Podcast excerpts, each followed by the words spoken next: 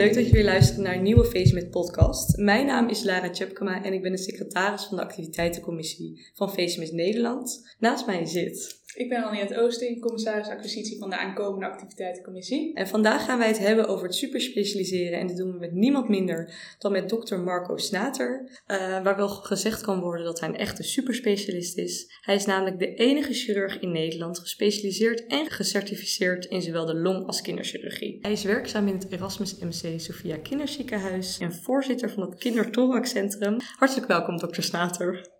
Dankjewel. We hebben net al een korte uiteenzetting gegeven van de werkzaamheden die je op dit moment verricht. En we kunnen wel zeggen dat u dus eigenlijk een superspecialist bent. Uh, maar hoe zou u in uw eigen woorden zou willen vertellen wat een superspecialist is, inhoudt?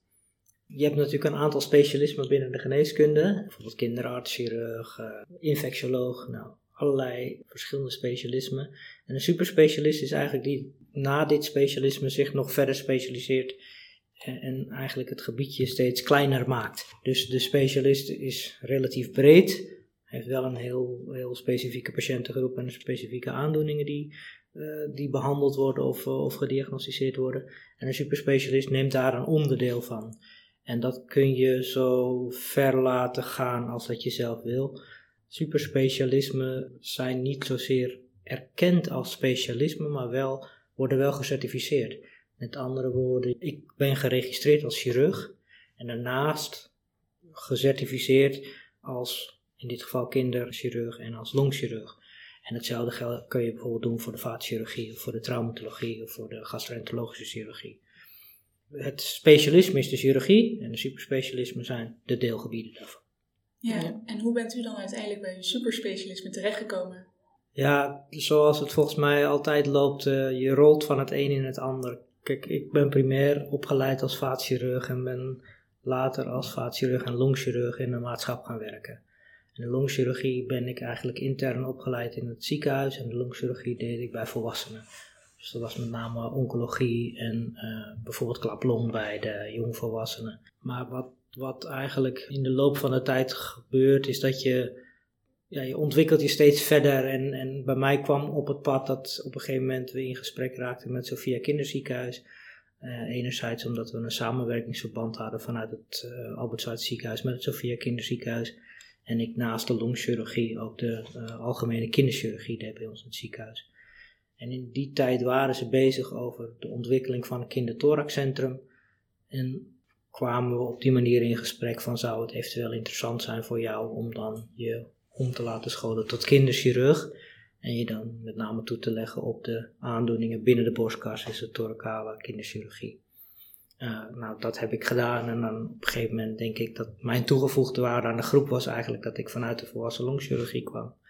Omdat de meeste kinderchirurgen, denk ik, die zich bezighouden met uh, aandoeningen in de borstkas op kinderleeftijd, die zijn met name georiënteerd op de slokdarmatrosie, dus een niet goed aangelegde slokdarm, of bijvoorbeeld de hernia diaphragmatica. En ik vond juist van, van, nature eigenlijk de long interessanter en, en leuker om te gaan behandelen. En zo is eigenlijk dat, die twee deelgebieden samengekomen. Dus nu focus ik me met name op de aangeboren afwijkingen in de borstkas. Dus dat is zowel de long, de slokdarm als de middenrif en ook uh, borstkasafwijkingen. Maar uh, ligt mijn echte interesse met name in de long, denk ik, op kinderleeftijd, ja. ja en wat, is er, wat maakt de kinderlongchirurgie zo bijzonder? Het is een volstrekt om, uh, ja, dat zullen velen ook niet met mij eens zijn, maar ik denk dat het nog echt een, een, gebied is wat in de kinderschoenen staat. Ik denk dat er nog heel veel te ontwikkelen valt, dat er nog veel te, uh, te verbeteren valt. Een simpel vraagstuk die we wereldwijd nog steeds niet kunnen beantwoorden. Moet je kinderen die met een aangeboren longafwijking maar daar geen klachten van hebben, wel of niet te opereren. En ook in Nederland weten we dat niet. Dus als je in Amsterdam geboren wordt of uh, in Groningen, dan word je standaard geopereerd daaraan. En als je in Rotterdam of in uh, Nijmegen geboren wordt, dan word je standaard daar niet aan geopereerd. Nou, ik vind dat best raar als ik erover nadenk. En ik denk, nou, dat is denk ik een heel relatief simpel voorbeeld, maar internationaal gezien een heel lastig vraagstuk. Maar in ieder geval iets waarvan ik denk van, ja, dit, hier moeten we wel wat mee. En wat u zegt, u sprak over ontwikkelingen. Waar denkt u dan aan in de toekomst voor uw vakgebied? Nou, kijk, wat, wat nu bijvoorbeeld binnen de volwassen longchirurgie heel erg speelt, zijn de VR-technieken, dus de, uh, de 3D-technieken die daar spelen, uh, uitgebreid scopische operaties, bijvoorbeeld steeds longsparender gaan opereren. Dus bijvoorbeeld als je kijkt naar de oncologische aandoeningen, in mijn tijd was het eigenlijk een soort van bijna standaard dat als je een longtumor had in een kwap, dat je dan de hele kwap verwijderde. En nu gaan we steeds meer kijken van kunnen we ook, dat zie je eigenlijk binnen de hele oncologie denk ik, hè, mammachirurgie is ook een goed voorbeeld, uh, van wat kunnen we sparen en is dat dan oncologisch verantwoord en is het ook veilig genoeg om te doen. Ja, nou daar is denk ik in de volwassen chirurgie nu zijn daar heel veel stappen worden gemaakt. Bij de kinderchirurgie hebben we die stappen eigenlijk nog niet. Uh, we opereren wel longsparen, maar ik denk niet altijd volgens de manier zoals dat officieel zou moeten. Andere ontwikkeling die denk ik, waar ik mezelf hard probeer voor te maken, is dat we eens beginnen met registreren wat we allemaal doen. Het gaat mij er helemaal niet om dat ik denk dat wij in Rotterdam, of ik of, of, eh, of mijn collega's, het beter doen dan de rest van Nederland. Het gaat me er meer om van laten we nou in godsnaam transparant gaan weergeven van hoeveel van die kinderen zien we op jaarbasis hoeveel worden er geboren en wie doet dan wat. Want de kinderlongchirurgie in Nederland wordt deels door de kinderchirurgie gedaan, maar ook deels door de hartchirurgen eigenlijk. Hè. Dus de cardiothoracaal doet een deel van ook de longchirurgie. Maar eigenlijk hebben we dat niet goed in, in kaart gebracht. Dus we weten niet zo vaak hoe vaak de aandoening voorkomt. We weten niet uh, hoeveel we er in Rotterdam zien, hoeveel we er in Amsterdam zien enzovoort. Dus dat is mijn eerste stapje eigenlijk om te, ervoor te zorgen dat we een registratiesysteem krijgen in Nederland. En merkt u ook dat het, uh, dit bij andere collega's speelt? Uh, dit soort van probleem dat er misschien wat minder um, iets opgeschreven wordt hoe het ervoor staat hier in Nederland met de kinderen? Nou, dat, dat, dat, laatste, dat weet ik niet zo goed, moet ik heel eerlijk bekennen. Dat, dat is uh, wel een goede vraag, maar dat, daar zouden we wel, denk ik, onderling een keer uh, goed moeten afstemmen. Anderzijds denk ik wel het vraagstuk van moet je ze nou wel of niet opereren, dat, dat, is, ja, dat is een wereldwijd vraagstuk. Bijvoorbeeld in Europa uh, wisselt dat enorm. Hè? Dus als je alles op een hoop gooit, dan zitten we ongeveer tussen de twee derde tot drie kwart van de centra in de wereld die de patiënten die geen klachten hebben, dus geen symptomen hebben, standaard de kinderen met een aangeboren longafwijking opereren. En, en de discussies zijn ook echt op een niveau soms dat je denkt, oké, maar we zijn allemaal academisch opgeleid, uh, ja, we doen het altijd zo, dus het is zo, is volgens mij niet het allerbeste argument, maar wordt wel veel gehanteerd. Dus je merkt eigenlijk um, dat dus dit best wel speelt en ook misschien dat er wat meer onderzoek naar uh, gedaan moet worden. Is dat ook een van de dingen wat u zo leuk vindt aan dit uh, superspecialisme wat u dus uitvoert? Zeker. Kijk, uh, ik, ik, heb zes jaar in een perifere maatschap gezeten en daar doe je met name patiëntenzorg. Dus je programma in de week is redelijk voorspelbaar. Twee of drie dagen elkaar, drie of vier polies in de week.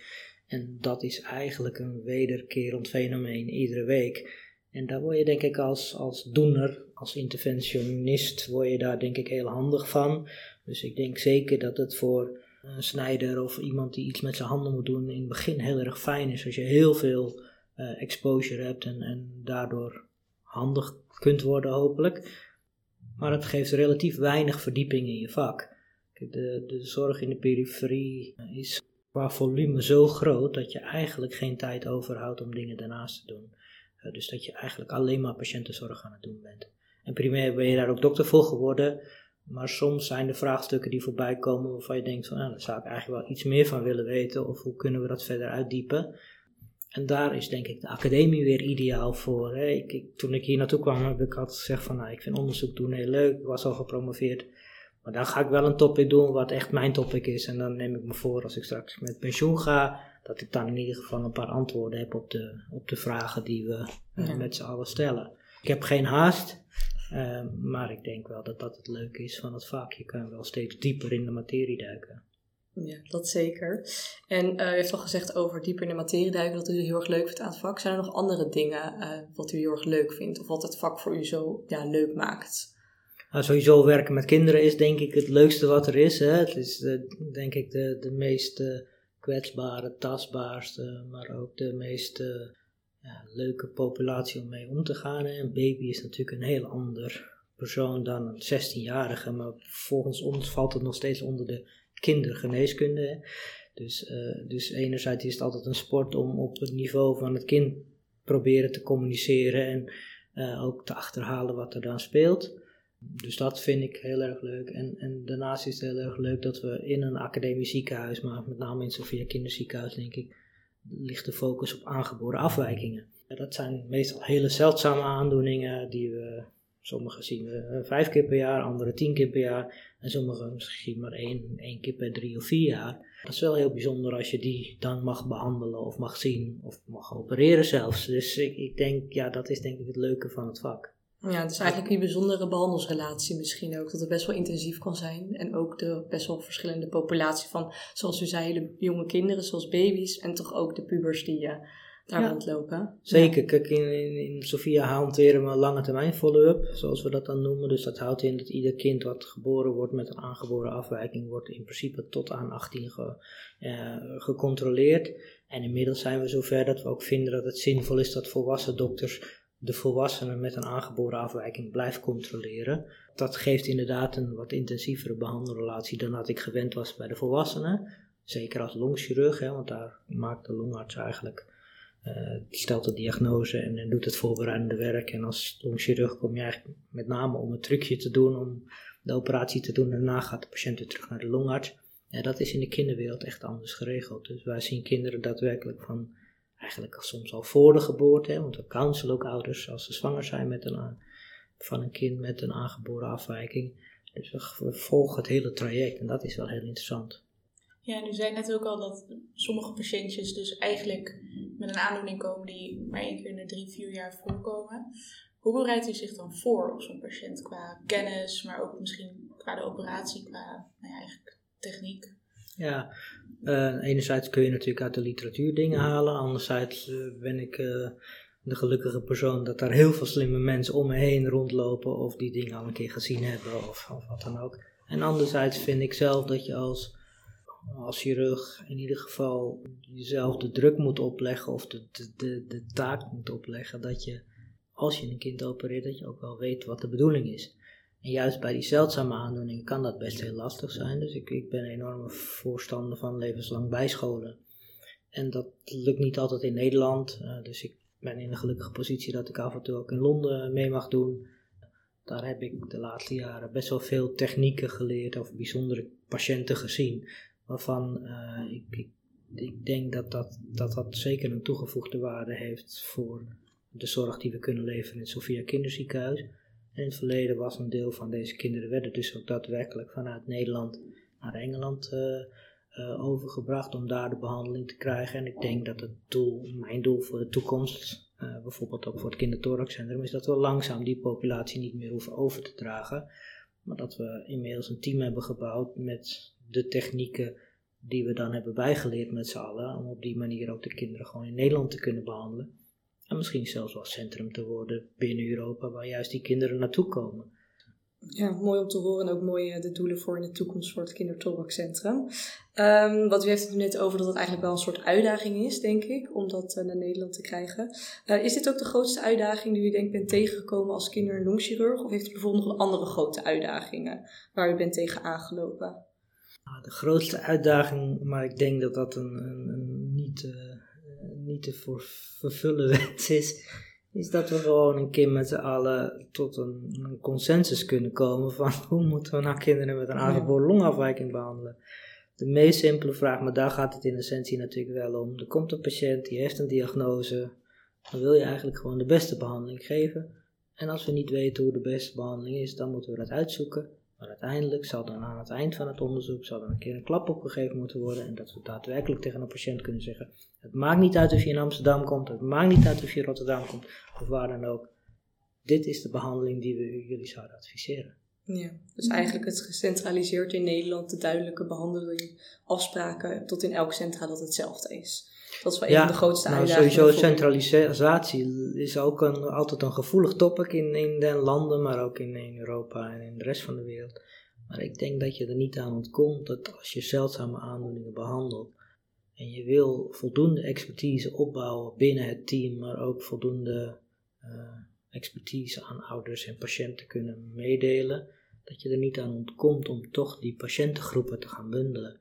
En in heel veel trajecten in Nederland is dat natuurlijk al best heel goed gedaan, ook binnen de volwassen wereld, de oncologie, uh, de vaatchirurgie, daar zijn allerlei voorbeelden genoeg van. Binnen de kinderchirurgie ook, hè, de slokdarmhatrasie zijn eigenlijk al een beetje gecentraliseerd in Nederland. De hernia's die worden maar in twee patiënten of in twee uh, centra behandeld, Nijmegen, Rotterdam. Uh, de levers worden bijvoorbeeld de kinderen met een aangeboren lever of galwegaandoening, die worden behandeld in Groningen, daar gaan ze allemaal naartoe. Voor de long weten we ten eerste niet, wat ik net al zei, van hoe vaak komt het voor en wie doet wat. Maar ten tweede denk ik dat je er niet aan ontkomt om in de toekomst toch, ondanks alle gevoeligheden, te zeggen van nou misschien moeten we dit wel in een paar centra gaan doen. Ja, zeker. Ik denk dat dat inderdaad ook al wat u zei met de kennis en kunde die er dan op één bepaalde locatie moet zijn. Daar is veel ervaring voor nodig en dat is moeilijk om het eh, te spreiden misschien over het hele land. Ja. Ja. ja.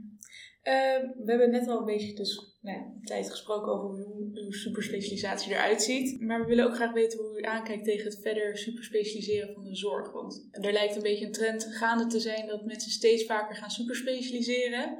Wat vindt u daarvan? Ja, het is tweeledig. Kijk, enerzijds is het denk ik heel goed als je dingen vaak ziet of vaak doet. Dan word je er linksom of rechtsom, word je er altijd beter in. Dus voor de kwaliteit die we uiteindelijk af kunnen leveren, is het beter. Maar voor de patiënt is dat iets heel anders. Want de patiënt wil het liefst dat je niet naar zijn long kijkt, die wil dat je naar de patiënt zelf kijkt. En de patiënt wil het liefst zo dicht mogelijk bij huis. Aan de andere kant, mijn ervaring hier, maar ook in Dordrecht, is wel dat als patiënten echt iets bijzonders hebben, ouders met patiënten die iets bijzonders hebben, dat die afstand van 50 kilometer, 100 kilometer echt niet zo'n groot probleem is. Je moet alleen de voorzieningen die nodig zijn om mensen wel een soort van veilig haven, thuisgevoel te geven, moet je wel proberen op orde te krijgen. Dus bijvoorbeeld kinderen die een langdurig ziekbed hebben in het begin van hun, van hun uh, leven, daar moet je wel voor zorgen dat de ouders ergens een plek hebben waar ze zich ook terug kunnen trekken en waar ze uh, een soort van tijdelijk kunnen wonen als dat nodig is. Dus ja, ik ben zeker een voorstander van superspecialiseren. Uh, voor de patiënt is dat denk ik een beetje dubbel soms. Maar ehm, als je vanuit de, vanuit de zorgkant naar kijkt, dus als zorgverlener naar kijkt, wat wel een beetje een gevaar kan zijn van superspecialiseren, dat zie je ook binnen de chirurgie, is dat de breedkijkende dokter een beetje verdwijnt. Daar, daar denk ik dat we ook nog niet een optimale modus voor gevonden hebben. Bij de chirurgie bijvoorbeeld zijn er natuurlijk een heleboel aandoeningen waar je helemaal niet super gespecialiseerd voor hoeft te zijn om dat te kunnen doen. Je hoeft niet een super gespecialiseerde eh, maag-darm-leverchirurg te zijn om bijvoorbeeld een blinde darmontsteking te kunnen opereren. Maar ook binnen uh, zorgverleners krijg je wel vaker de discussie als er een kind of een volwassene komt met bijvoorbeeld een relatief simpele aandoening van de darm. Ja, moet dan nog wel de traumatoloog die opereren, want de traumatoloog is wel in essentie chirurg. Of moet dan die GE-chirurg dat doen? dat zijn discussies die eigenlijk uh, niet nodig hoeven te zijn, maar wel in de praktijk gebeuren, denk ik. Ja, ik kan me ook wel voorstellen dat bijvoorbeeld als een kind of überhaupt een volwassen iemand bij meerdere specialismes bekend is, dat het best wel een soort overzicht verloren kan uh, gaan over, goh, wat is er nu precies, wat is het behandelsplan? Uh, heeft u dit zelf ook in de praktijk gemerkt? Ja, ik, kan nu niet zo 1, 2, 3 uh, meteen een voorbeeld geven, maar het is wel degelijk zo dat kunst is inderdaad om alle expertise zo op elkaar af te stemmen dat het geheel, uh, de uiteindelijk gehele patiënt in uh, centraal blijft staan. En ik denk juist dat dat iets is wat we binnen het kinderthoraxcentrum ook optimaal proberen te organiseren. En daar zullen ongetwijfeld nog een hoop dingen zijn die daarin verbeterd kunnen worden. Het idee van het kinderthoraxcentrum is eigenlijk dat je alle specialismen die iets van doen hebben met een aandoening in de borstkas, uh, dus de long, de slokdarm, het hart, dat je die bundelt en dat je die ook daadwerkelijk gezamenlijk een soort behandelplan, samen met ouders in dit geval en met de patiënt, laat maken. Dus wij hebben daadwerkelijk een, multidisciplinaire afdeling. Met andere woorden, er liggen patiënten van verschillende specialismen, wel allemaal thoracale specialismen. En wat denk ik daar fijn aan is, is dat daar drie algemeen kinderartsen, maar die supervisor zijn van het kinderthoraxcentrum, en die dus zich met name bezighouden met kinderen die een aandoening hebben in de borstkas, maar niet alleen naar de long kijken, niet alleen naar het hart kijken, maar wel naar het geheel. Dus ik denk dat we dat op die manier redelijk uh, uh, goed denk zelfs redelijk uniek hebben georganiseerd. Uh, daarnaast hebben we wekelijks een multidisciplinair overleg waar alle patiënten worden besproken die een aandoening hebben binnen die borstkas. En waar iedereen dan ook vertegenwoordigd is en, en er iets van mag vinden. Dus ik denk dat dat wel de kans verkleint dat je het, de gehele patiënt uit het oog verliest. Maar het is wel degelijk nog steeds een lastige punt van hoe ga je dat nou optimaal organiseren. Binnen het kindertoraxcentrum, want eigenlijk, als ik het goed snap, jullie hebben daarin gewoon heel veel mensen met heel veel kennis over een bepaald gebied. Er is één iemand die de regie eigenlijk houdt, dat is de kinderarts. Hebben ouders dan ook alleen contact met die kinderarts of zien zij wel echt alle specialisten ook afzonderlijk? Nee, ze hebben de meeste contact gewoon met de kinderarts en de verpleegkundig specialisten en de verpleging natuurlijk. Het is een heel uitgebreid team uh, wat de patiënt behandelt. Maar er zijn dan ook gewoon reguliere overleggen met de specialist. Als jij uh, bijvoorbeeld aan je hart geopereerd bent, ja, dan is het leuk dat de KNO-arts of, de, of de, de longchirurg er iets van vindt, maar dat is niet zo zinvol. Dus dan is het wel essentieel dat de kinderarts zeg maar, het brede plaatje in, in, in, in het oog houdt. Maar dat er ook eh, met enige regelmaat een gesprek is met dan wel de hartchirurg, dan wel de uh, cardioloog. Dus dat, dat, dat wordt georganiseerd. We proberen het in principe wel zo in te kleden dat we niet allemaal. Nou, dat, als ik nu bijvoorbeeld denk van nou, ik ren eens even langs een patiënt, dan uh, ik vandaag de vijfde dokter ben die binnenkomt. We willen het eigenlijk wel zo inkleden dat er een één moment op de dag is waar je in principe met ouders en patiënt gaat spreken of zitten. En dat dan alles gebundeld wordt, zodat, uh, dat noem je patient-family centered care, uh, samenzorgen op zijn Nederlands. En dat houdt eigenlijk in dat je voortdurend de patiënt en ouders meeneemt in het behandeltraject. Maar ook erover nadenkt dat ze recht hebben op privacy, dat ze recht hebben om zichzelf ook af en toe terug kunnen trekken enzovoort. Mm Mooi om te horen dat hier zo over na wordt gedacht. Niet inderdaad dat u zegt dat er weer de vijfde arts is die op een dag binnenkomt, maar dat het voor de familie ook een beetje behapbaar blijft uh, welke informatie zij op een, uh, op een dag uh, op hun afkrijgen. Mooi om te horen hoe dat zo geregeld is in het kindertorencentra. Ja. Um, als je nou nog een keer mocht kiezen, zou je dan opnieuw gaan superspecialiseren of het toch breder houden? Nee, ik, ik, ja, mijn traject is zeker uh, heel lang geweest en misschien wel het langste van Nederland inmiddels. Maar uh, ik zou, ik, ik, ik heb geen spijt van, echt van geen enkele keuze. Ik zou het uh, eigenlijk op die manier zo weer doen. Ik moet wel eerlijk bekennen dat ik soms wel eens twijfel of ik opnieuw voor geneeskunde en het hele traject zou kiezen. Als je dat van tevoren allemaal weet. maar wat ik zei, in het begin je rolt van het een in het ander. Maar ik zou zeker weer voor een superspecialisme gaan. Ik denk, er is niks leukers. Het hangt er natuurlijk van je eigen karakter en je persoon af, maar om je op een relatief klein gebied helemaal te kunnen focussen, maar dan ook daadwerkelijk daar een expert in te worden en daar alles van te weten. En uh, jonge mensen mogen opleiden en, en onderzoekers mogen begeleiden in jouw ideeën waar je in de toekomst naartoe wil, dat is denk ik het leukste aan superspecialist zijn. En dan heb ik nog een laatste vraag voor u. Welke les heeft u tijdens uw carrière geleerd, wat u eigenlijk zelf uh, de jonge dokters en onze luisteraars uh, zou willen meegeven? Ja, ik zeg altijd tegen assistenten en studenten van je hoeft van mij niks te, te leren, je mag alles vergeten, maar het enige wat je moet onthouden is dat je altijd je eigen weg moet uitstippelen. We hebben binnen de geneeskunde wel heel erg de neiging om elkaar een beetje na te apen en altijd te, te, denken dat, dat je op een bepaalde manier tot iets komt. Uh, het belangrijkste is dat je bij jezelf blijft en dat je uh, alleen de dingen doet waar je jezelf goed over voelt. Dat je niet gedwongen voelt van, oh ik moet promoveren, want anders maak ik geen kans. Natuurlijk, uh, ik, ik, ik, realiseer me heel goed dat ik nu makkelijk praten heb, maar dat is denk ik wel de belangrijkste boodschap voor alle jonge dokters. Blijf in godsnaam bij jezelf en doe met name de dingen die je echt leuk vindt. Ja, ik denk dat dat mooie woorden zijn om af te sluiten. Uh, hartelijk dank in ieder geval voor uw tijd en de moeite dat u ook dit gesprek met ons wilde voeren. Ik denk dat het een heel mooi gesprek is en dat we een goed inkijkje hebben kunnen krijgen in uw leven. En ook zeker in het superspecialiseren van nu het Kindertorokcentrum en ook uh, hoe het eventueel uh, nu zal zijn in de toekomst. Hartelijk dank en ook dank aan de luisteraars. Ja, dank u wel. Graag gedaan. Dank jullie wel.